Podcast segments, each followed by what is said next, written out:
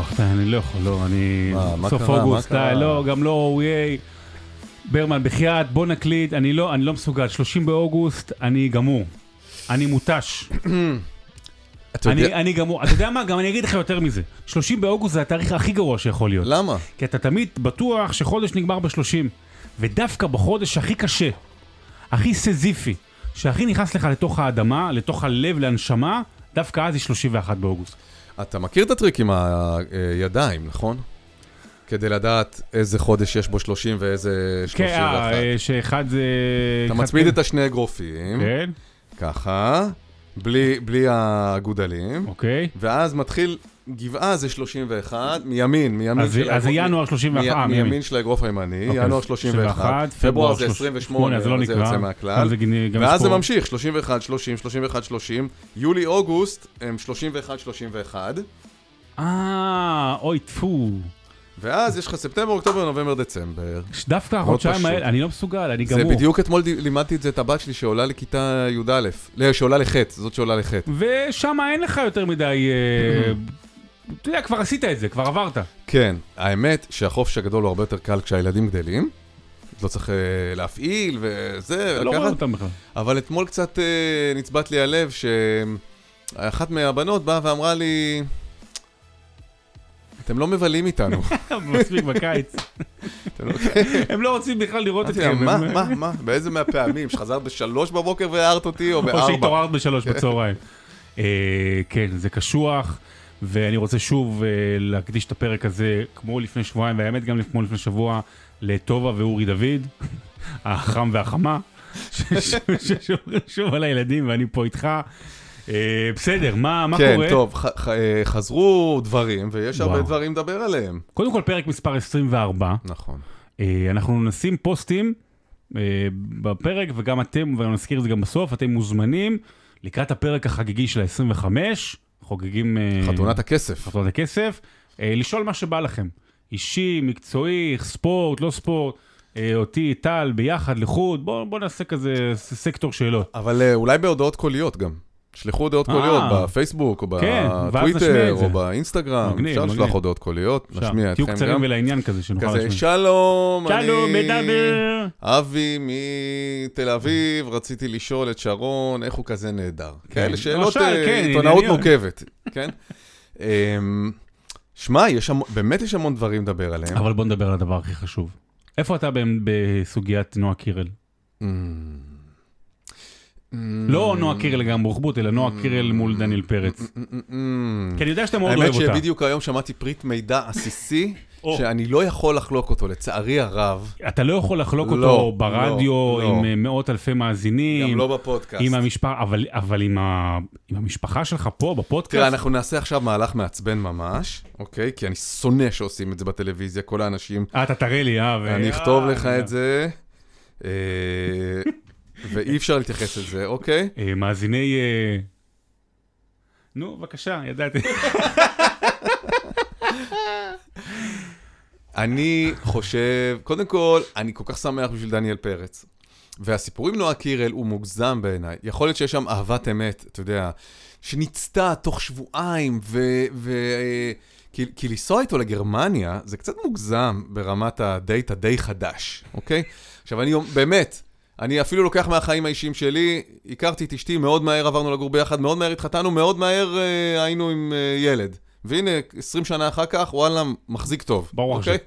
אבל, ועדיין לא בטוח שתיסע איתי לגרמניה. אבל להגיד לך שהייתי מכיר החיים. אותה ונוסע איתה לגרמניה תוך שבועיים, כולל מצטלם איתה בהופעות פומביות, זה אפילו לא ללוות אותו, זה נראה שהיא לא מלווה אותו בשבילו, היא מלווה אותו בשבילה. זה הבעיה. ובכל ההצגת שחקן, ובכל המסיבות עיתונאים, אה, ואז שאתה יודע שלשניהם יש את אותו סוכן, רוברטו המוצלח, זה, זה, זה נראה לא טוב, זה נראה טרמפיסטי, זה נראה נצלני, זה נראה, אתה יודע, מישהו בונה פה איזה מותג של זוג. וזה קצת כאילו, כשאתה ניגש, זה קצת הסתכל, מסתכל על זה באופן ציני, ואתה אומר, אה, האם זאת אהבה? האם יכול להיות שבכלל זאת אהבה, או שזה רק תועלתני? אני מאוד מקווה בשבילם שזאת באמת אהבת אמת, שהתפוצצה ככה משהו בצורה- מטאורית. אני אגיד לך למה באסה לי, קודם כל, הנה, עובדה שאנחנו מדברים על הדברים החשובים. אה, לי, בתור האוהד ספורט, כאילו, עד שיש איזה משהו, מישהו ש, שפורץ את גבולות הספורט, שפתאום יש סיבה לדבר עליו, וכל דבר עכשיו, שני לפחות, זה בהקשר של נועה קירל, כאילו, אני מרגיש כאילו פגעו בי. אתה מבין? כאילו, לי, לי לקחו פתאום את, ה, את, ה, את, את הדבר הקטן הזה שיש פעם ב... שהוא כן. גדול ו, ו, ושל כל המדינה. אבל, יחד עם זאת, וזה דווקא... אבל אולי זה דווקא טוב לו זה גם. טוב, זה טוב, זה טוב, אה, זה טוב לכולנו באיזשהו אופן. זה אפילו, זה טוב לחובבי הספורט. אני אסביר למה. אתה אומר, חוץ מלצרי העין, זה טוב לכולם. כן, גם אפילו אם זה, ההסתכלות על זה היא ביקורתית, היא בסדר. הרי דיברנו על זה כל כך uh, הרבה פעמים. מה חסר בכדורגל הישראלי יותר מכל? סטארים, אוקיי? בשנות ה-90, שחט רביב, רוברט, כולם. הכירו אותם, אוחנה, בטח עוד קודם, כולם הכירו אותם, גם אנשים שלא עקבו אחרי הספורט באופן קבוע. ובעצם ב-20 שנים האחרונות, יש לנו סטאר אחד, קוראים לו ערן זהבי. היה מאור בוזגלו, אבל גם זה, הסטאריות הרבה הייתה בסוף הקריירה כבר כן. מהסדרה. ועדיין לא בליגה של ערן זהבי, לא. מבחינת סטאריות. אתה יודע, פעם ב- כזה מגיע עמרי כספי, מה זה, מהכדורסל, כן, אבל אין להם את ה... דני אבדיה, אין להם, זה לא באמת אה, כן, ואין סטאריות. סטארים סטארים כאלה, ו- ומה הקנה, איפה אתה יודע מי סטאר ומי לא, שלא יודע מה, אימא שלי תכיר את השם שלו, אוקיי? שבחדשות מראיינים את, אה, מי ראינו? גדעון אוקו, שאני אוהב אותו, את מי ראינו? אה, אה, לגבי, אה, את אה, מישל גרציג, הבת זוג, אשתו, כן. כבר, אה, אשתו של קורטואה. כן. איך זה להיות בת זוג של של. שוער? אז נולד סטאר, דניאל פרץ. כמובן מתבסס על היכולת שלו גם אה, בנבחרת הצעירה, ובסדר גמור, כן? אה, אז דווקא החיבור הזה עם נועה קירל, גם אם הוא מהונדס וגם אם הוא אהבת אמת, אחלה. אה, יש פה איזו סינרגיה, ונולד סטאר, ואני חושב שברגע שיש סטאר, זה טוב לכל אוהבי הספורט, כי זה מושך עוד אנשים שלא מתעניינים בשוטף, זה מביא מפרסמים, זה יוצר איזה באז, וזה בסוף, אתה יודע, גם מביא אנשים לראות משחקים. אז זה פתאום עכשיו, אני בטוח, ש...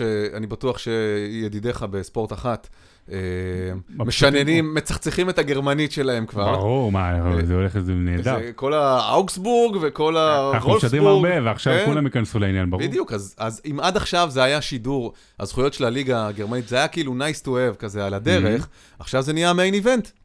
אבל אה, בסדר, רק אה, נועה הוא שלנו, לא לא שלך. אה, מה מה בוא נדבר? לא, אני רוצה לדבר מה- על משהו שקרה, האמת, כבר לפני איזה חמישה ימים, והוא הוא- הוא mind blowing בעיניי, אה, וזה רגע אחד שהוא מסמל המון המון המון. המסירה של מסי במשחק מול סינסנטי.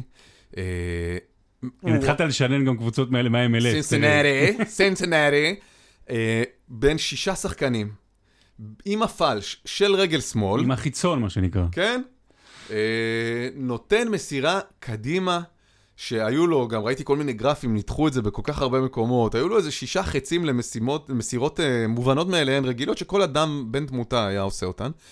נותן עם הפלש אל אה, קדימה, מגיע השחקן מימין, מחזיר לו לאמצע, מסי מגלגל פנימה. מהלך כדורגל מבריק, וזה מסי במלוא גאוניותו. ואתה אומר, גם מול קונוסים זה טוב. גם, זה לא משנה שסינסנטי הם, אה, אתה יודע, אולי קבוצה תחתית אה, בליגה, בצ'מפיונשיפ באנגליה, בסדר? אולי. אבל, אבל, אתה רואה אותו שמח ונהנה ומרוצה, יש לו את המבט הזה, הרי יש לו קצת מבטים, אה, בוא נגיד, יש לו כריזמה של אנטי סטאר למסי. יש לו את המבטים האלה שהוא אומר, כאילו, אני לא, אפילו אני לא מאמין שעשיתי את זה הרגע, כאילו. עכשיו, וצריך לתת גם קרדיט, אה, אתה יודע מה, תכננתי לבדוק, להיזכר אה, לפני ההקלטה, מי השחקן שקיבל את המסירה והחזיר לו. ברח לי השם שלו. כן, שכחתי גם, אבל החזיר לו יפה גם. החזיר לו מדהים. אה, כל, הק- כל הקרדיט פה הלך למסי על המסירה, שכאילו הוא ראה את המהלך הזה, אבל אותו שחקן סימן לו בתחילת המהלך. רואים שהוא מניף את היד, מסוג כאילו, תראה כן, אותי. כן. אה, אני לא יודע אם הוא סימן לו, תראה אותי איפה שאני עומד עכשיו, או... ואז מסי אמר לו, לא, לא, ידידי, אתה תבוא לפה, אבל לא, הוא סימן לו והתחיל תנועה. זאת אומרת, זה היה שם חיבור, כי הם... זה לא באמת קונוסים, השחקנים שם, אבל לחשוב על זה ולבצע את זה, תוך כדי שאתה מוקף, זה מסי באמת במלוא הדרו, וזה לא משנה שזה MLS ולא משנה שזה סינסינטי. תראה מה בן אדם בגיל 36 גורם לך לעשות, אחרי שאתה כבר 30 שנה אוהד כדורגל, פתאום לראות ולהסתקרן ולהתאהב ב- בסופו של דבר בכדורגל אמריקאי. ואז אני אשאל אה, שאלה שחלק מהמאזינים שואלים, ושאלו אותי, תגיד, למה אתה לא אומר משהו טוב על רונלדו?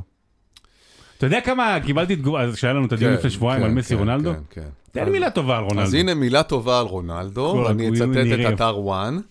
אה, רונלדו בכושר מטורף, זו ידיעה מהבוקר, כבש שני פנדלים.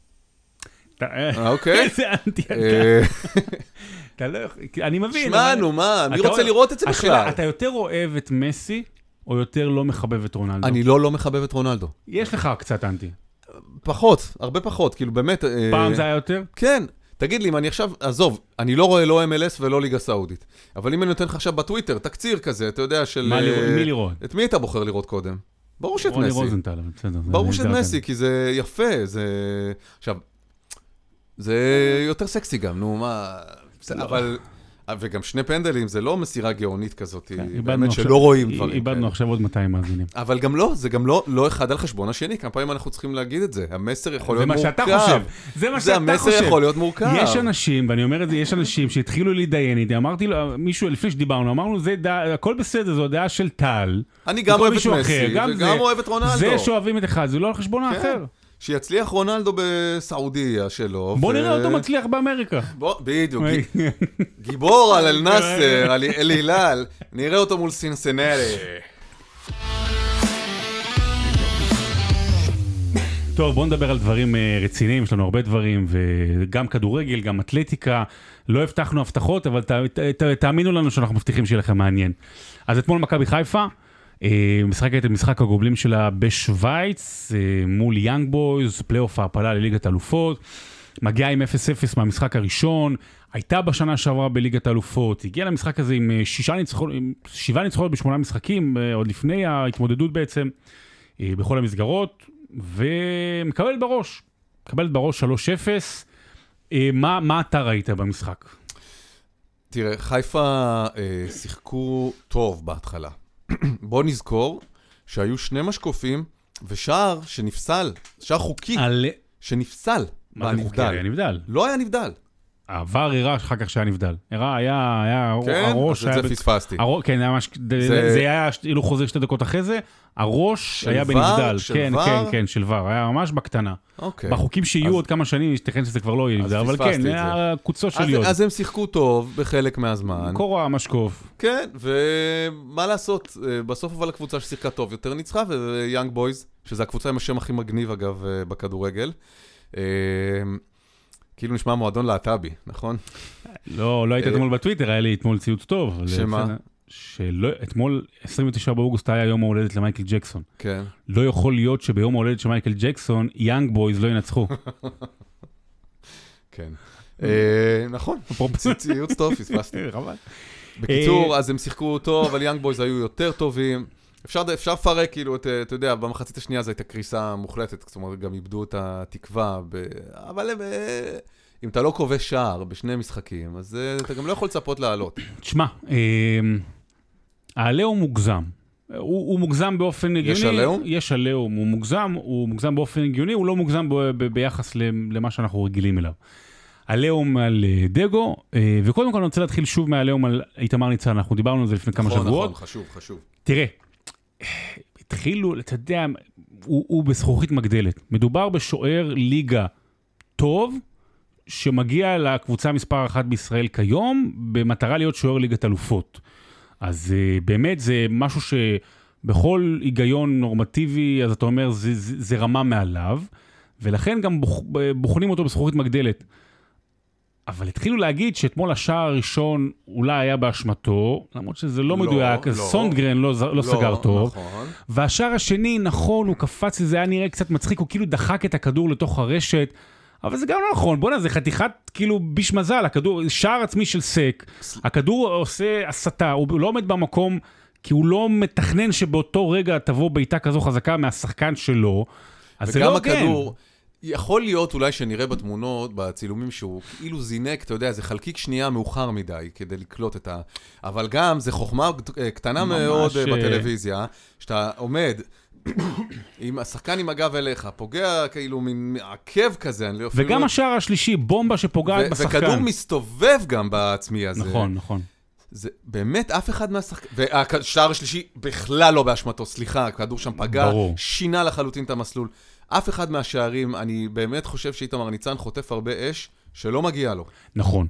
ואני חושב שמה שקרה אתמול, איך שמכבי חיפה נראתה אתמול, והיא נראתה אתמול לא טוב הגנתית, היא כן נראתה טוב התקפית, במיוחד בחצי הראשון, היא לא נראתה טוב הגנתית, החיסרון של קורנו היה מאוד משמעותי, אבל העניין הוא שאני חושב שהפסימים, אלה שחוששו למש... איך שמכבי חיפה תראה, או רוצים שמכבי חיפה תראה, אמרו, אוקיי, עם מישהו כמו דגו, עם מישהו כמו איתמר ניצן, עם סגל שאולי לא, עדיין לא שלם, ככה מכבי חיפה אה, תראה. אבל אני רוצה לתת משהו אחר. מכבי חיפה בסופו של דבר אתמול הפסידה לקבוצה שטובה ממנה. היא לא בטוח שהיא נתנה את המקסימום שהייתה יכולה במשחק אתמול, אבל היא, היא עשתה את המקסימום. היא, היא שיחקה, הפסידה מקבוצה טובה ממנה. ומסיידגו ומכבי חיפה עשו את שלהם בכך שהם אה, עברו כל קבוצה שהם היו אמורים לעבור, והם נמצאים בליגה האירופית, שזה גם הפך להיות מפעל יותר יוקרתי בגלל השינוי של שיטת הבתים באירופה והמפעלים. אבל אנחנו כמדינה, לא מדינה, ועדיין מכבי חיפה גם לא, לא מדינה של קבוצת ליגת אלופות כל שנה. ברור. זה לא יעזור. זה שמכבי חיפה עשתה שנה שעברה ליגת אלופות, זה לא הכלל, זה היוצא מהכלל. יכול להיות שעוד כמה שנים, כשמכבי חיפה הולכת לכיוון שהולכת, ומכבי תל אביב תמשוך את עצמה, ואולי יהיו לנו שתי נציגות במוקדמות ליגת אלופות, אז אפשר יהיה לדבר על פעם בשנה, שנתיים, שלוש, אבל אנחנו לא שם, אנחנו מכוונים להיות קבוע באזורים הזה של ליגה אירופית. הכדורגל שלנו, אם אתה לוקח ומשווה ליגות ורמות, הוא... נגיד, בצמרת שלו, אולי ליגה אירופאית. בין הקונפרנס... אולי, אתה מסתכל גם על הקבוצות? אולי ליגה אירופאית, ברור, כי... כי... עכשיו, מכבי חיפה באמת נתנה הופעות לא רעות שנה שעברה בליגת האלופות סך הכל, אבל היא גם נחלשה קצת השנה. ו... וגם, אני מזכיר לך שגם היא קיבלה בראש. בוודאי. קיבלה בראש גם בליסבון, גם מפריס סן ג'רמן, זאת אומרת, אתה ראית ש... מקומנו, ככדורגל בכלל, עדיין לא שם באופן קבוע. נכון. אז זה לגמרי הגיוני ובסדר, ואין צורך בעליהום. ברור שלא, ושווייץ זאת מדינת כדורגל טובה מישראל ברמת המועדונים וברמת הנבחרת. נכון. בכלל אין, אין, אין, אין מה להשוות, כאילו אם היית צריך, אתה יודע, מי מנצח על הנייר. להיות בליגה האירופאית זה בהחלט אה, הישג גדול מאוד, לשחק אה, באופן קבוע בליגה האירופאית. בוא נראה אם זה יקרה. מה? אני, לא, קבוע. אתה יודע, שיהיו כן, באמת קבוע. זהו, שנה אירופית, שנה... וגם, uh, אתה יודע, דיברנו על זה גם בעבר, צריך להמשיך, להמשיך, להמשיך ברמה הזאת. Uh, ובעצם יש לנו רק שני מועדונים יציבים בכדורגל, מכבי חיפה ומכבי תל אביב, שבאמת גם יש להם את העומק הכלכלי וגם את התשתית הארגונית, מועדונית, כדי uh, שהן יהיו שתי נציגות קבועות במפעלים אירופאיים. אתן, uh... וגם קונפרנס זה לא בושה. אגב, גם, גם, גם בשנים האחרונות הפועל באר שבע, לא. קצת אירופית, קונפרנס כן הם נמצאים באירופה. אני מבין, כן. את, אני מבין את ההבדלים. אבל ברמה האירופית, הפועל באר שבע כן עשתה כמה דברים כן, ששמים אותה שם. אני מדבר על הלונגרן, אני, אני מדבר. מבין.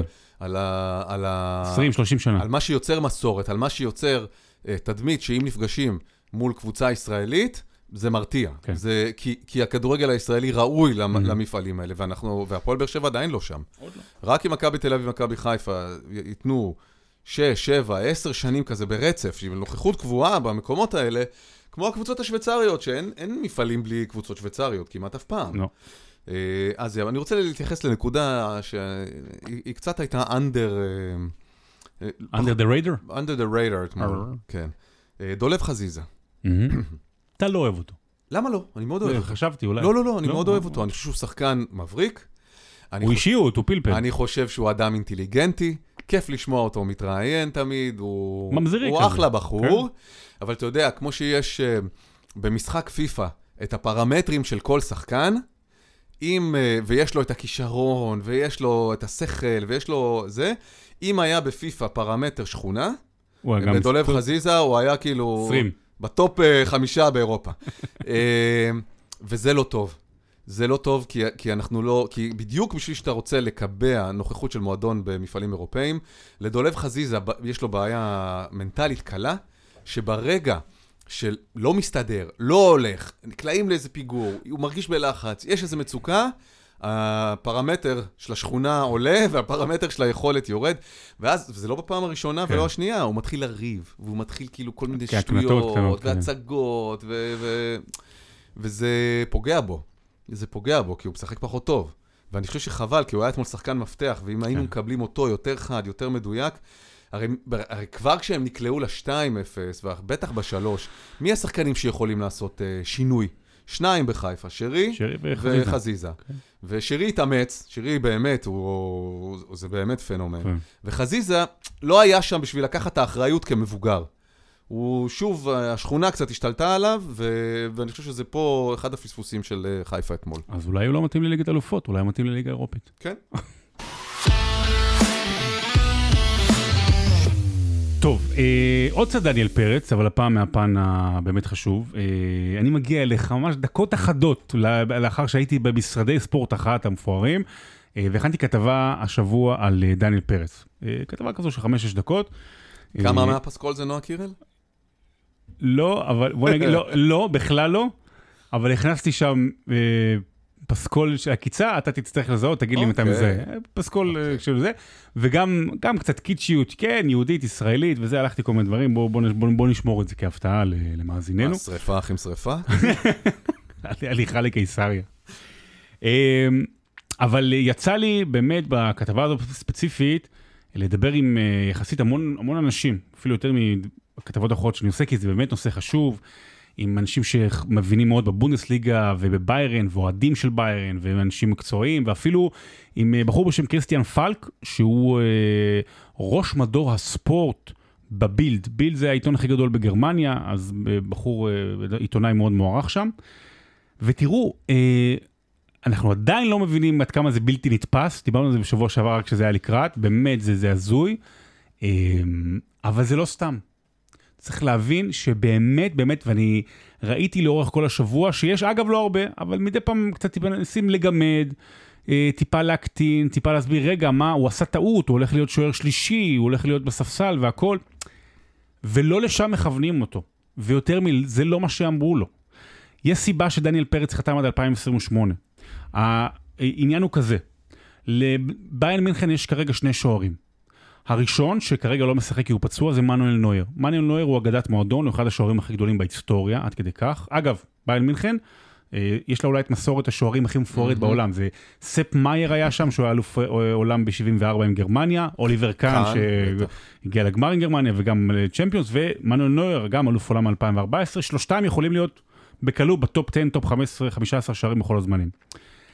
מנואל נויר בן 37 וחצי, הוא אחרי פציעת סקי מאוד קשה, כבר של איזה עשרה חודשים, הוא אמור לחזור במהלך החודש הקרוב.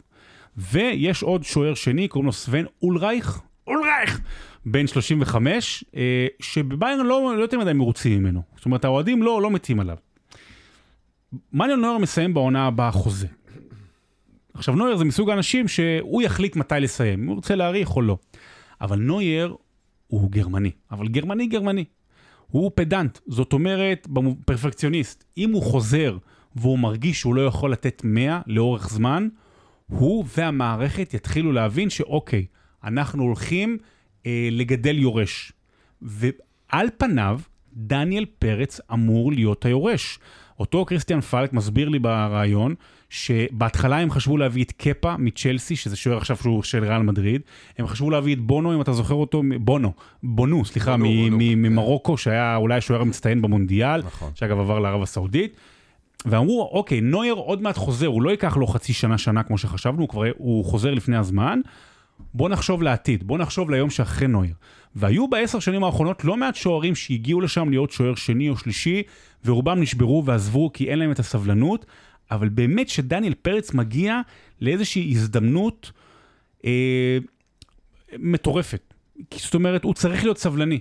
הוא צריך, יהיו לו 4, 5, 6 הופעות במהלך השנה הזו, אולי פה בגביע, אולי שם, אולי במשחק הקרוב הוא צריך להיות שם טוב.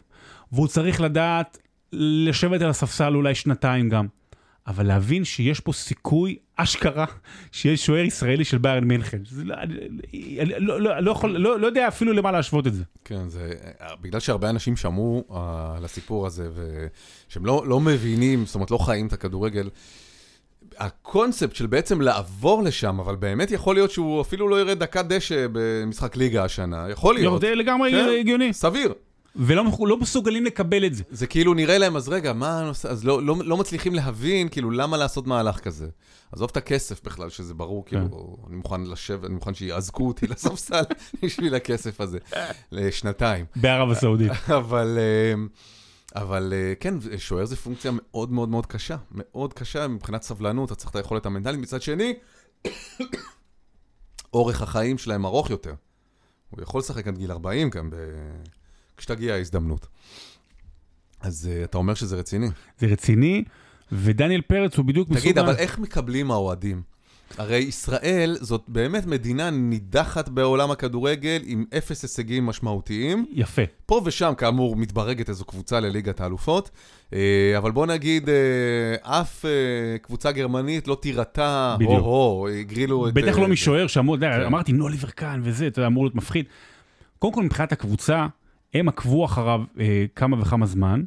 ובאמת אותה הפעה מול גרמניה ביורו, אה, זה מה שמבחינתם, אוקיי, הם החליטו אנחנו רוצים. זה דבר ראשון. מבחינת האוהדים, הם לא הכירו אותו, לא שמעו עליו, אבל הם אומרים, אתם יודעים מה, יש פה משהו מעניין. כי זה מזכיר להם איך הם הרגישו כלפי אלפונסו דייוויס. אלפונסו דייוויס הגיע להם מקנדה, והם אמרו מי זה ומה הקשר לקנדה וכדורגל בכלל, אבל הוא הפך להיות אחד השחקנים הכי משמעותיים בקבוצה, והיום הוא באמת כוכב עולמי, mm-hmm. באמת שחקן top class, מגן. אז אומרים, אוקיי, אז אולי אנחנו צריכים להבין שהכדורגל הוא גלובלי. הם סומכים על ההחלטות של הסגל, הדרג המקצועי בקבוצה? לא, לא כל אוהד, הוא חושב שהוא טוב מהמנהל? סומכים ואומרים, וואלה, יש פה משהו מעניין. כן, כן. אולי שנייה ניתן קרדיט למישהו? אגב, ראיתי לקראת הכתבה, עבדתי מלא, יוטיובים וזה, שם, קודם כל, ביירן מיכן זה מועדון עם כמות אוהדים מטורפת ברחבי העולם, ובכל מיני שפות ניתחו את ההבאה של פרץ, אתה יודע, עמודי אוהדים ודברים כאלה, ומסבירים מה טוב ומה לא. שמע, אה, הוא הולך להיות אה, פנומנלי. כמה הופעות היו לו במכבי תל אביב? שנתיים, שנתיים, זה היה קצת קונפרנס ליג, אה, בהתחלה, הוא היה שנתיים. אני, אני כן, כן, כן אתן משפט אחד מהכתבה. הוא יכול להוכיח לנו שאולי הוא יהיה יותר טוב מדוידוביץ', הוא יכול אולי לרשום קריירה יותר אה, ארוכה ומרשימה מדודו אוואט, ואולי הוא ישלים את מה שנגדע בכאב אצל אבירן, סיפור מי שמכיר, שבאמת כישרון על שהיה אמור להיות בגדול. אה, יש פה משהו, אז אני רק אומר לכל מי שתוהה ומקטין וזה, תבינו שזה רציני. כן, מעניין, מעניין מאוד. אה, גם מעניין שפרק הזמן עד שיוצאים לחו"ל הולך ומתקצר. Mm. אצל השחקנים הטובים, זאת אומרת, קוטפים אותם, כן. כי הכדורגל, אה, כמו אוסקר גלוך כזה, הכדורגל נהיה הרבה יותר מיידי נכון. וגלובלי. כלומר, לא צריך איזה רזומה בנבחרת וזה, כדי שיכירו אותך בעולם ויציעו לך הצעה. אה, או מנור סולומון כמובן. אה, מעניין, אני, אני כל כך מקווה שהוא יצליח. כן, באמת, אבל סבלנות, זה, אנחנו... חייבים, זה, ברור. יהיו הרבה בדיחות על זה שהוא בקר ומחמם ספסלים, אבל שנה, שנתיים, וזה... כן. באמת שזה תלוי בו. כן. באמת, באמת שזה תלוי בו כרגע. אגב, איך סוף סוף מנור אה, פתח אתמול? גביע הליגה. נגד פולאם, גביע הליגה. לא, לא, אני אומר, והפסידו לפולאם. גם הוא צריך סבלנות. כן. גם הוא צריך סבלנות. בכלל, כולנו צריכים סבלנות. לגמרי. במיוחד נועה קירל שיחק קצת סבלנות.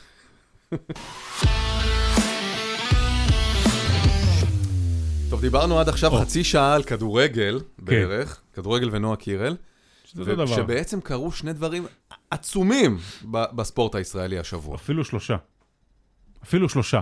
אה, מאור טפרי זכה במדליית כסף באליפות העולם במרתון. אה, נבחרת ההתעמלות שלנו, נבחרת ההתעמלות אומנותית, זכתה בזהב באליפות העולם בקרב רב. אה, דריה אטמנוב זכתה במדליית ארד באליפות העולם בהתאמנות אומנותית. אז קודם כל, זה, זה, זה איזושהי מגמה שהתחילה טיפה לפני טוקיו ונמשכת עכשיו גם על, ה, על העניין הזה, שוב, שיש יש פה, יש פה ספורטאי על. אין פה ספורט, אבל יש פה ספורטאי על, וזה בדיוק, אגב, ההגדרה גם לאתלטיקה. אין, אין לנו אתלטיקה בארץ, ויש לנו אתלט, אתלטי על. ו... לא הייתי מרחיק עד על, אבל... לא, לא, הלב שלנו אתלטים, סליחה, לא, אבל, אבל, אבל מה שמאו טפרי עושה, זאת אומרת, מרתון, אם זה אולי לא הריצה הכי אה, פופולרית, אבל, אבל היא הכי... זה יוקרתית, אתה יודע, זה עוד מאולימפיאדה של פעם, זה, זה אירוע לציין כשיש אולימפיאדה, ובאליפות עולם להשיג כסף, זה מטורף, זה באמת על אחד ההישגים הכי, הכי גדולים, גדולים אי פעם בתולדות הספורט הישראלי, עד כדי כך. שמע, אה, הוא עשה דבר באמת שהוא בלתי נתפס. וזה לא רק המדליה, כמובן זה, זה בסוף. הוא התנהל במהלך כל הריצה כמו מחשב. זאת אומרת, זה מישהו, יש כל כך הרבה פעמים בריצות שאתה מתפתה להיגרר, זה המון פסיכולוגיה. אתה מתפתה להיגרר אחרי... אה, אלה שלפניך. מישהו עוקף אותך, אז אתה קצת מתעצבן מזה, אז אתה מגביר את הקצב. כל הדברים האלה של ניהול לא נכון, של הריצה, בסופו של דבר פוגעים, ב, פוגעים לך בהמשך, כי אם אתה שורף יותר מדי אנרגיה, אז כשזה חשוב אחר כך בהמשך, אין לך את האנרגיה הזאת uh, להביא אותה. מה שהוא עשה, הוא התחיל, הוא עשה את הריצה שלו.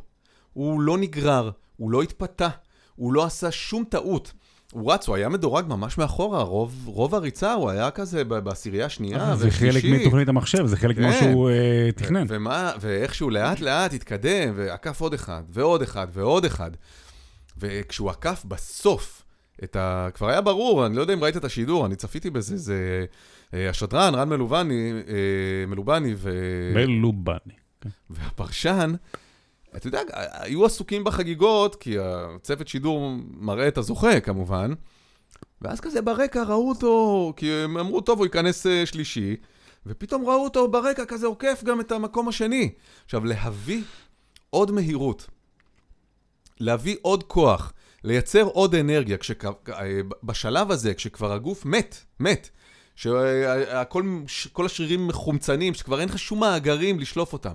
להביא ולעקוף בקלות את המקום השלישי ולהפוך להיות מקום שני, הישג אדיר, וכמובן, לא מדבר על הקצבים, אלה קצבים, כן.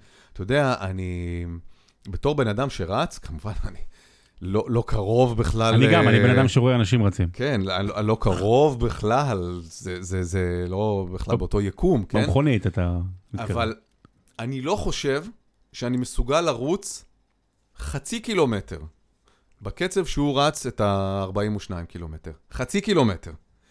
אמ, רצתי בתחילת השבוע עם אדם שהוא אחד הבכירים בענף הריצה החובבנית בישראל, אוקיי? לא, לא זה. זה מישהו סתם שתקבל את הרפרנס. אורי אוזן. לא. הוא מהיר מאורי אוזן אפילו. אה, הוא רץ, אתגר את עצמו לפני כמה שנים לעשות 42 יום ברצף מרתון. כל יום מרתון. לא סתם הוא אומר 42 יום. כן, זה... 42 קילומטר. כן, וקצת. לא, זה פסיכי, כן? זה אדם מטורף. הוא עכשיו טס לאליפות העולם באיירון מן. זה לא סתם תחרות שאתה נרשם אליה, כן, שכל כן. אחד יכול להתחרות. אתה צריך לקבל סלוט, כי רק אם אתה ברמה מסוימת ומעלה. רצתי איתו. הוא, הוא בטייפר, טייפר זה שמורידים מתח לקראת תחרות, שנחים לקראת תחרות גדולה. הוא אמר לי, בוא, אני בטייפר, אמרתי לו, תקשיב, הטייפר שלך זה הספרינט שלי, אתה מבין את זה, כן? הוא אומר לי, לא, לא, נרוץ בקצב שלך, רצנו. אמ, והוא אמר לי שהוא גם, לא, זה היה ביום של אה, תפרי, הוא לא מסוגל לרוץ אה, קרוב, קרוב אפילו למה אה, שמארו תפרי עשה. זה באמת, זה ספרינט, שרון, בוא נצא פה עכשיו לרחוב. אני אומר לך, אני אעשה ספרינט על, על, על 60 מטר, לא תגיד קילומטר. קשה לי. 60 מטר, אתה לא תגיע למהירות הזאת שהוא רץ ב-42 קילומטר, זה, זה משהו בלתי נתפס. מדהים, וזה הרבה אימונים, וזה הרבה השקעה, וכן, גם חשוב להגיד שזה הרבה גנטיקה. אה, גלעד ויינגרטן, הדוקטור שבאמת המון שנים היה מפרשן, תמיד חזר על זה וגם יצא לדבר איתו לא מזמן, אין מה לעשות, אה, גם דיברנו על זה בריצות 100 מטר. עניין הגנטי וה, וה, והמיקום, אתה יודע, רצי מערב אפריקה שהיגרו גם לארצות הברית, או נלקחו לשם, אז, אז הם ממש טובים בריצות הקצרות. מזרח אפריקה, מרכז אפריקה, זה הריצות הארוכות. ויוצאי אתיופיה, אה, זה פספוס גדול מאוד של החברה הישראלית, אבל זה גם פספוס גדול של הספורט הישראלי, במיוחד בדברים האלה. ולראות, וגם נזכיר לך ששנה שעברה ישראל זכתה באליפות אירופה בזהב הקבוצתי של המרתון, אז פתאום יש איזושהי השקעה, קורה משהו, וזה, וזה באמת מדהים. ושוב, אה, לונה צ'מטאי. מקום רביעי. כן, שוב. רביעי או חמישי הפעם? רביעי, אני חושב שהפעם סיימה. יאללה. כאילו, כן. היא חייבת לתת, כאילו... שומעת את זה לאולימפיאדה. במאני טיים, כן. צריך לתת את זה לאולימפיאדה. יאללה, יאללה. אה. ואני רק אגיד מילה על ההתעמלות אומנותית. השתנתה, כולם זוכרים את עיר אביגדורצ'יק, ואחרי זה היה כמה שנים, והמון היו uh, פרשיות וקצת, לא אלימות, אבל uh, התעמרו ב, ב, במתעמלות, ובאמת יש שם, אני שמעתי סיפורים, בוא נגיד, הבנות שהיו שם חוו דברים לא פשוטים בכלל, ועכשיו יש שם עידן אחר לגמרי. אפשר גם להגיע להישגים אם, אם לא רשעים למתאמנים שלך. נכון. להיות עיקשים וחזקים, אבל בלי, לא... בלי להתעלם. בלי רשות אפשר גם להצליח.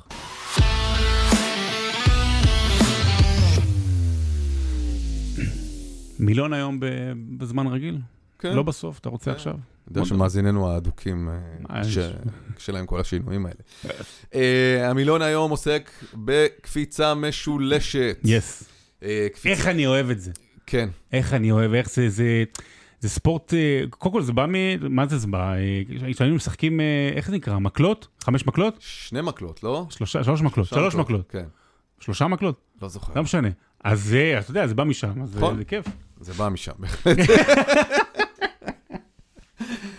אה, קפיצה משולש, לא, האמת שראיתי ראיתי את זה אה, באליפות העולם עכשיו אה, באתלטיקה, ואמרתי, וואלה, זה ספורט, זה ענף שהוא כל כך underrated, נכון? כי הוא מוזר. בואנה, כן, זה גם- גם הסוף שלו מוזר. נראה קצת אנטי קליימקס, זאת אומרת יחסית לקפיצה לרוחק למשל. כי קפיצה לרוחק זה פשוט. קפיצה לרוחק, וזה ההבדל העיקרי, אתה רץ, קופץ, נוחת. רץ רץ קופץ, כן. פה יש את כל המהלך הזה באמצע, שאני אני מודה, אולי זה משהו אה, אה, בורות שלי, שאיכשהו כאילו התפספס לי זה, ופתאום אמרתי, וואלה, וואלה, וואלה, נכון. אני אסביר. אבל קודם כל, אה, כמה מילים על הקפיצה המשולשת, קוראים לזה באנגלית triple jump. בעבר היו קוראים לזה hop, step and jump. נכון. שם פחות אה, פשוט, אבל אה, יותר יפה, יותר מגניב. hop, step and jump. בעצם מתחרה רץ על המסלול, עושה קפיצה, קפיצה וקפיצה לבור, אוקיי? אה, המקור של זה כמובן בהשראת המשחקים האולימפיים העתיקים. זה היה אה, כנראה עוד ביוון העתיקה, תכף אני ארחיב על זה, אבל בעצם קפיצה משולשת היא אירוע אולימפיאדה מודרני מאז שקמו המשחקים לתחייה ב-1896. עכשיו למשהו ש...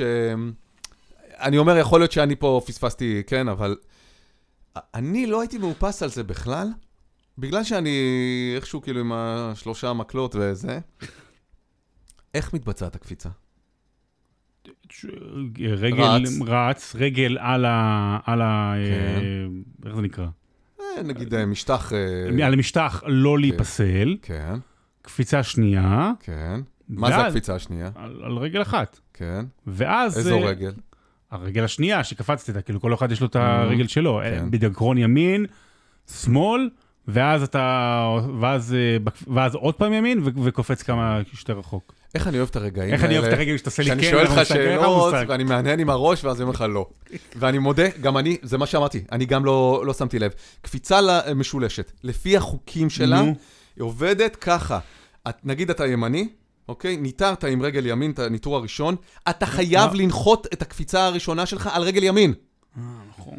אז אז, אה, בעצם... וואי, זה קשה. כן, זה הסיפור. עכשיו, אתה מבין? אמרתי, וואי, בעצם, בגלל זה כל הלוק המוזר הזה. אה, כי זה לא היה לשלוחה, כאילו ימין, בדיוק. שמאל. טוב, אה, טוב, זה- הם עושים מין צעד באוויר, נוחתים עם אותה רגל, אוי, זה קשה. ואז עוד קפיצה עם הרגל הזאת שהמראת איתה בפעם הראשונה, ואז השנייה. נחיתה על השנייה, ובעצם הניטור אל ארגז החול נעשה עם הרגל החלשה יותר שלך. כן.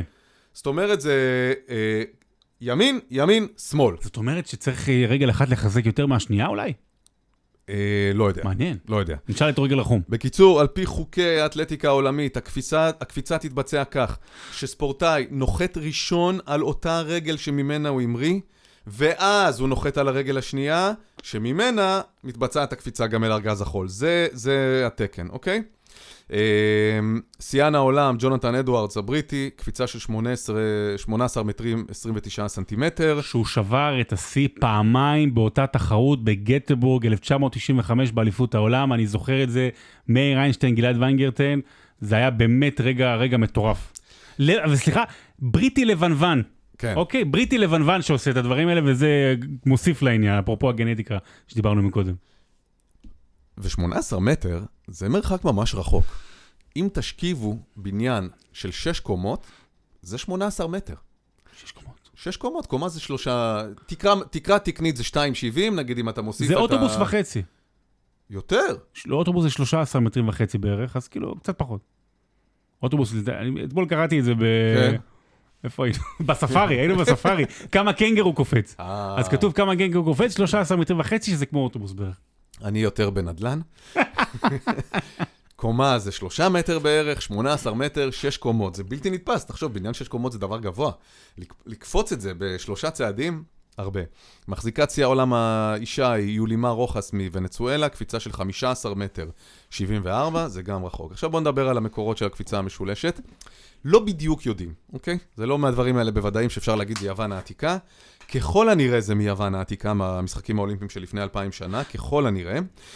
כי בכתובים, במה שנשאר מהמשחקים של אז, מוזכרות קפיצות של 15 מטר ויותר. Mm. ואז זה הוביל היסטור... היסטוריוני אה, ספורט למסקנה שככל הנראה מדובר בסדרה של קפיצות. הרי אף אדם לא יכול לקפוץ uh, קפיצה אחת של... אה, אלא אם אתה אל יווני. נכון, או שאתה מעופף פשוט. ואז בעצם הניחו שזה אולי שם נוסד הבסיס לקפיצה המשולשת, אבל אי אפשר לדעת אם היא הייתה כמו שאנחנו מכירים אותה היום. אבל שוב, אין שום הוכחה שהקפיצה המשולשת באמת הייתה במשחקים האולימפיים העתיקים. אמ, ויכול להיות בכלל שאותם מרחקים מתועדים של 15 מטר ויותר, זה נובע מה, אה, איך אני אגיד את זה, החירות האומנותית של אה, מחברי אה, שירי הניצחון. כי פחות עסקו אז בדיוק כן, של סנטימטרים ומדידה, אלא יותר בשירי הלל למנצחים. המטר לא נשאר אצל השיפוצניק. בדיוק, אז יכול להיות שזה לא זה. אבל מ-1896, חידוש משחקי, משחקים האולימפיים בעת המודרנית, היא כן. למעשה, האלוף האולימפי הראשון... ראשון, זה מה להגיד. זה הענף הראשון שמישהו קיבל מדליה אי פעם, קפיצה משולשת. כן. כן. אה, אגב, אותה אולימפי... כתוב לך שמו? אה, ג'יימס קונלי, קונולי. אני יכול לתת אה, טריוויה? כן. ג'יימס קונולי, פשוט כתבתי עליו בספר. איפה, באיזה רחוב ישנו במינכן 72 המשלחת הישראלית? קונולי שטראסה. שטראסה. הרחוב קונולי. וואלה, על שמו? כן. אה, תמשיך. ראינו איך זה נגמר. אה, תמשיך. בקיצור, באולימפיאדה ההיא של 1896, האולימפיאדה הראשונה אה, בעת החדשה, היה גם ענף של קפיצה משולשת בעמידה. כלומר, בלי תנופה. אבל זה קצת ממשיך את, כן. את המילון של שבוע שעבר, אבל זה כאמור איננו, ורק, יש תחרויות עדיין של קפיצה משולשת בעמידה, נדירות מאוד מאוד. שוב, והדברים האלה המדהימים, קפיצה משולשת לנשים, סך הכל נכנסה לאולימפיאדה ב-1996. עד 96 נשים לא, לא הייתה קפיצה משולשת לנשים, זה בלתי נתפס. Uh, יש uh, במיתולוגיה האירית משחק, uh, ענף שקוראים לו גייל רוס, לא יודע איך אומרים את זה בדיוק, יש להם הרי ניב מאוד ספציפי. אה, ב-1829, ככל הנראה, במשחקים האירים העתיקים היה משהו כזה, גם לזה יש תיעוד איזה. אז כאמור, בואו נפרק אה, טכנית את ה... איך מתבצעת הקפיצה. קפיצה ראשונה נעשית עם הרגל החזקה, הקופץ עושה שני צעדים באוויר. תחשוב, דמיין את זה בראש. הוא בעצם, אם אתה קופץ עם ימין, שמאל שלך קדימה, נכון? כן. אתה עושה טאק, ואז תוך כדי... אה, אתה עושה כאילו אופניים כזה. טאק, טאק, אתה הולך באוויר, כמו בקפיצה לרוחב. אה, אתה לא נשאר עם הרגל כאילו באותה פוזיציה, אלא אתה כן מניע את עצמך באוויר נכון. כדי להספיק לנחות על אותה רגל. נכון, כי אם אתה מזנק ולא תזיז אותה... ראיתי אלפי קפיצות, אבל לא, לא, לא התעמקתי כן, בזה. גם אני, אני אומר לך, אמרתי, וואו, וואו, וואו, רגע. ואז שאחרי שאתה יודע, קראתי את הפירוק הטכני של זה, הלכתי לראות עוד יוטיובים, ואתה אומר, נכון, הם בעצם הולכים באוויר. ואז הוא, ההליכה הזאת לא סתם, אה, היא, היא לא סתם בשביל הפאן, יש, יש משמעות גם למומנטום של הקפיצה. Mm-hmm. אז אתה עושה שני צעדים באוויר, נוחת עם הרגל שקפצת על השלב הראשון, ואז אתה שוב מנטר עם הרגל הזאת. עכשיו, זה פיזיקה פשוטה, בצד השני כבר יש פחות מומנטום. Oh. אז אתה לא יכול uh, לעשות עוד שני צעדים באוויר כאלה, ולכן אתה מחליף רגל. באוויר ונוחת עם הרגל השנייה על השלב האחרון, ואז משם כבר קופץ אל הבור, מנסה לזרוק את הרגליים שלך קדימה כמובן, ולנחות קדימה, לא עם הידיים אחורה. מהישבן, אה, הישבן כן. בעצם, משם מודדים. מודדים עם הנקודה הכי. אחורית שנוגעת. זאת אומרת, אם אתה תיפול עם הרגליים ואז עם הישבן, אבל אז תישען אחורה ותיגע עם כן, היד. בגלל זה צריך אה, שהרגליים יהיו קדימה. כן, אתה צריך לזרוק את עצמך ככל אה, הניתן קדימה. עכשיו שים לב לזה. היום כבר מותר בזמן הקפיצה לגעת או, או לגרד את הקרקע עם הרגל הישנה, קוראים לזה. כלומר, אם אתה. קופץ עם רגל ימין, ואת הצעד הבא אתה גם עושה עם רגל ימין, מותר לך ששמאל תיגרר על הקרקע. אסור לה להיות חלק משמעותי בניטור. אסור שהיא תיתן משקל.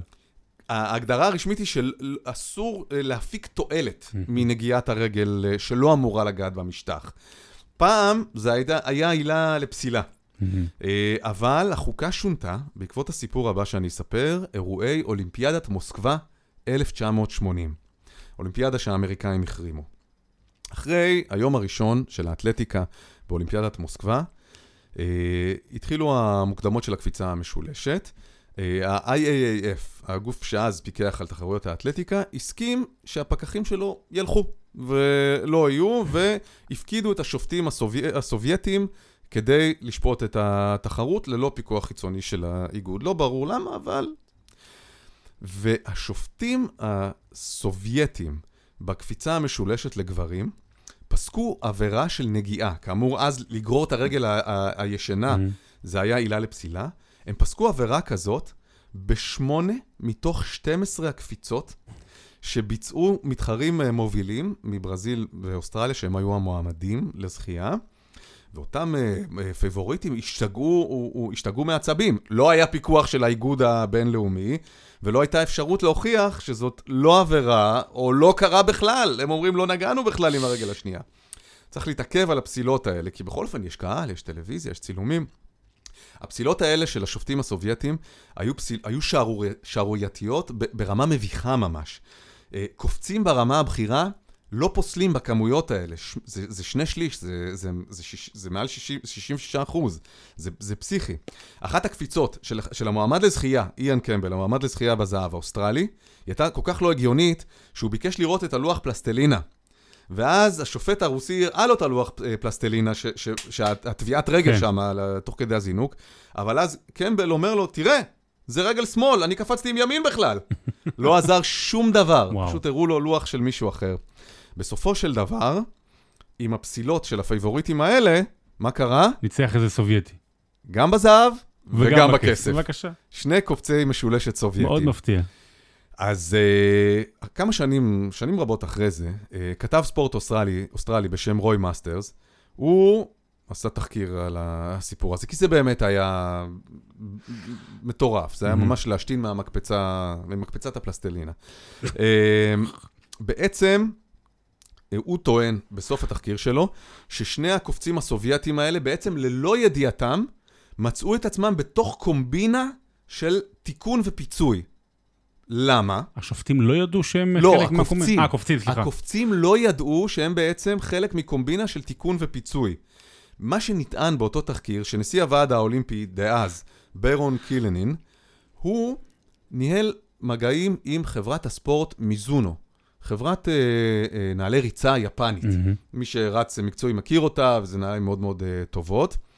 היא שילמה את הכסף הגדול להיות הספונסרית של אה, טקס הדלקת הלפיד בתחילת האולימפיאדה. אתה יודע, זה דבר הכי נצפה, זה כמובן פריים אה, טיים, רייטינג גבוה, ומיזונו לקחו את הספונסר שיפ על זה. הגיע הרגע של טקס הדלקת הלפיד, יושבת הנהלת מיזונו בעולם, עם המוזמנים, באצטדיון עם המוזמנים שלהם, שידור טלוויזיוני, כל העולם uh, צופה. מה הם רואים? שהאנשים שהדליקו את הלפיד נעלו נעלי אדידס. אוי ואבוי. ואיפה המיזונו? אין. אז הם מכרו, והיה שם אה, סכסוך גדול עם הוועד האולימפי. מה שקורה, לפי התחקיר, שהלך היושב ראש ועד האולימפי אל הבוס של אדידס, הורסט דסלר, שהרי הם שניים, עוד מעט נדבר עליו עוד שוב. אדי ודסלר. אכן, כן.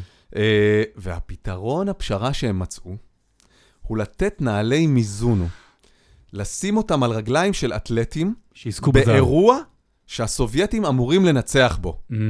והאירוע הנבחר היה קפיצה משולשת. מה אתה אומר?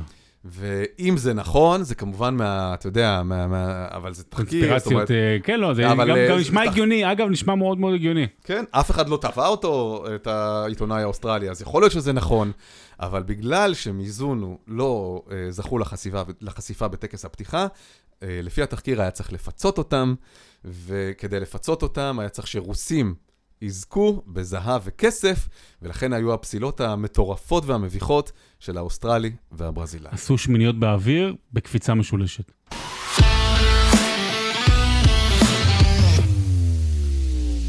טוב, אה, רצינו לדבר על איזה משהו אחר כזה, איזה שחצנות אמריקאית, דברים כאלה, אבל בוא אני אקח אותך, נראה לי כבר לפן ההיסטורי, נכון? אנחנו כבר, יש לנו הרבה, הרבה דיברנו הרבה נועה קירל וזה, אז אה, בוא לא נחפור יותר מדי. אוקיי. פינה היסטורית. אה, חשבתי לתת איזשהו סיפור מרתון, אפרופו ההישג של תפרי, אבל אתמול מכבי חיפה שיחקה בשוויץ, בברן. ובברן, אה, באותו אצטדיון אגב, שהוא משופץ וכמובן השתנה, גם הדשא והכל, אה, התרחש אחד מאירועי הספורט אולי הגדולים בכל הזמנים, ובטח אחד מאירועי הכדורגל המשמעותיים ביותר, כשאנחנו מנסים לחבר בין ספורט. למשהו, אתה יודע, מעבר לספורט, מעבר לכדורגל, זה זה. זה. זאת אומרת, זה סיפור שכזה. איך ספורט, איך כדורגל יכול להשפיע על מדינה שלמה, זה זה. אני חושב שבחד... אני יודע, אגיד יותר מזה.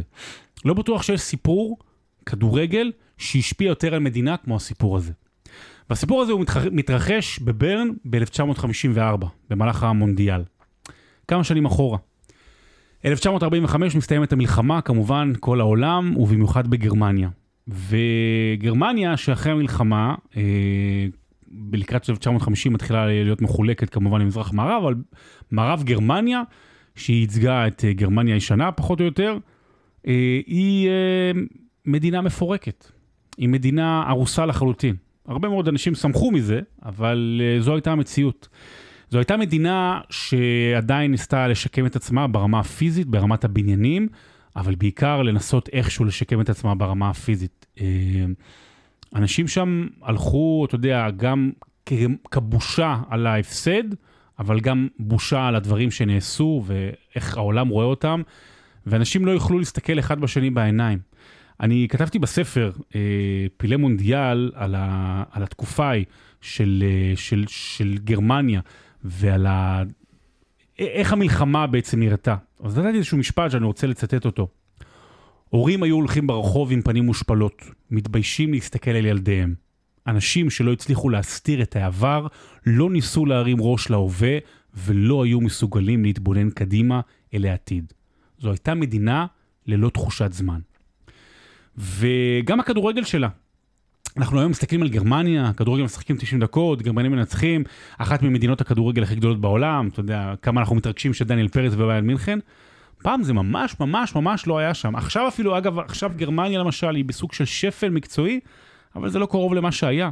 גרמניה הייתה אה, מדינה של כדורגל חובבני, אה, המאמן שלה היה ספ אירצברגר, שגם אימן לפני המלחמה וגם חזר לאמן אחרי. והוא בעצם טבע את מה שהכדורגל הגרמני הולך להיות. שלא הטובים ביותר מרכיבים את הנבחרת, אלא הנבחרת הטובה ביותר מרכיבה את הנבחרת. השלם גדול מסך חלקיו. אוסף השחקנים. בדיוק. אה, אז הנבחרת הזו מגיעה למונדיאל שנערך בשוויץ ב-1954, והיא נבחרת לא יותר מדי טובה, אבל היא מפתיעה לא מעט, והיא מצליחה להגיע לגמר. אחרי שהיא מנצחת ואפילו מביסה 6-1 את אה, שכנתה, אוסטריה.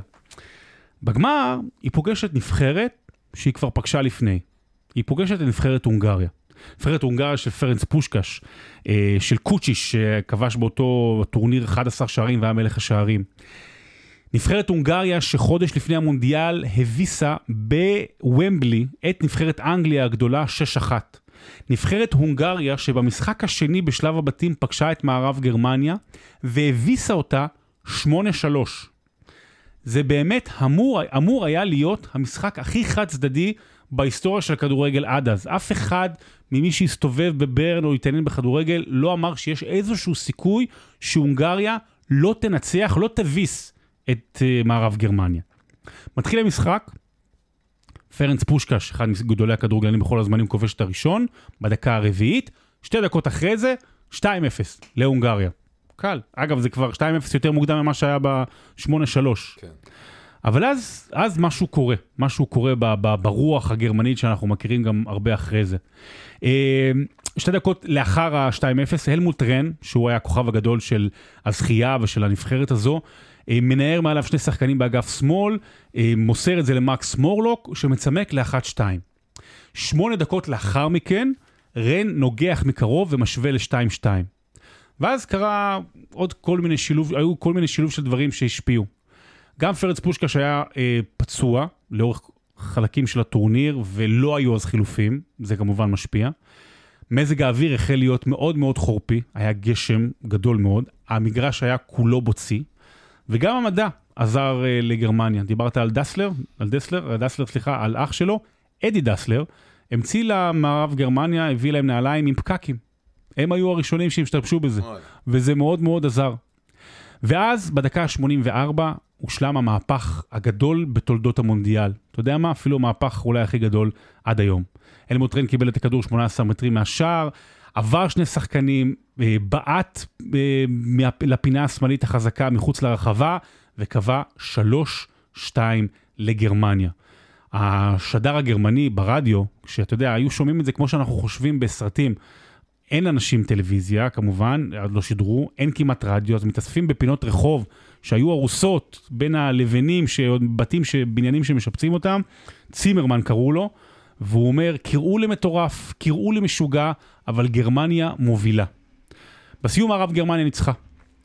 ואם אה, ישאלו את פרנץ, פרנץ, אה, פרנץ בקנבאואר, שהפך להיות אולי גדול שחקני גרמניה בכל הזמנים, וישאלו גרמנים מאותה תקופה, הם יבואו ויגידו, זה הרגע שבו פעם ראשונה הרגשנו שאנחנו יכולים להרים את הראש, שאנחנו יכולים לבוא עם איזושהי גאווה. וזה סיפור שעל פניו הוא טוב, אתה אומר, וואו, הסינדרלה ניצחה, אבל הוא לא בדיוק טוב, הוא מעורבב גם ברע. מוטלה שפיגלר סיפר לא מזמן באיזושהי תוכנית שהוא התראיין אליה בעוד שמונה, שהוא זוכר שהוא שמע את זה בבית, ועם אבא שלו, והוא התחיל לבכות, שגרמניה זוכה. הרי גרמניה זו, זו גרמניה... הס- האויב הגדול האויב הגדול. שטבח בעמנו רק פחות מעשור לפני זה. בדיוק, ו- ואיך יכול להיות שמנצחים, ולמה הרעים מנצחים. אבל ככל שהוא התבגר, הוא גם סיפר על זה, ו- וגם העולם בסופו של דבר התבגר, הבין שצריכים הדברים לחיות ביחד. העבר עם ההווה. ומי שחי בהווה לאו דווקא אחראי על, ההווה, על, על העבר, ולאו דווקא צריך להשליך באופן ישיר על העבר.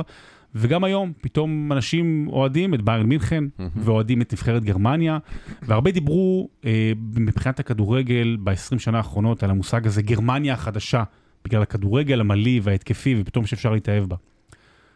ב-7 ביולי 1954, בברן, במקום שקיבל את הכינוי הנס של ברן, נולדה גרמניה החדשה.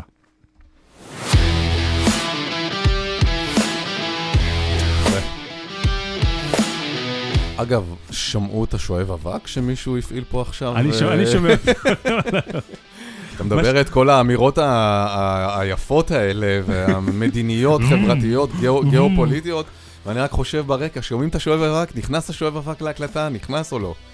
לפחות אני אציין פה, הבית לא, יהיה נקי. האמת שזה סיפור, אני מאוד אוהב. מה שאני הכי אוהב בפינות, מילון וההיסטוריה, אתה יודע מה אני הכי אוהב? Mm. אתה, ובאמת צריכים, אנשים להבין, אתה נורא מתאמץ, ובאמת משקיע, ומשקיע, ועובר, ועושה תחקיר והכל. אני כבר עשיתי. הרבה מהסיפורים זה מה- מהספרים. אז אני כאילו, אה, שנייה, חכה, קורא. נזכר בזה. יש ייגמרו יש לך הספרים. ארבעה ספרים, נכון? כן, ייגמרו הספרים. כמה פרקים בכל ספר? יותר מ-50. אז יש לנו 200 ומשהו פרקים עד ש- או, שמצא. ובפרק הבא, פרק מספר 25, אתם מוזמנים לשאול אותנו כל שאלה שאתם רוצים, אפשר גם בהודעות קוליות, אה, אינסטגרם, פייסבוק וזה, אנחנו זמינים, נשמיע, למה לא? אפשר אה, לשלוח פקסים לבית של שרון, פקסים, כן, טלמסר. להשאיר לך בתיבת דואר, אה, יונים, איך שלא תרצו לפנות אלינו. אנחנו נענה על השאלות. אה, אבל השאלה באמת אם שאלות אישיות או שאלות על דברים. שישאלו מה שרוצים, ואנחנו זה, אבל כן, ספורט, אישיות, ספורט, תנסו לשאול כן. בספורט, פחות איזה מוזיקה אתה לא שרון. איך אתה כזה חתיך כאמור? כן. זהו, לא- שאלה טובה, לא שאלה טובה. לא שאלות שהתשובות עליהן הן קצרות, או מובנות מאליהן. בדיוק. יאללה, נתראה שבוע ביי, הבא. להתראות. ביי.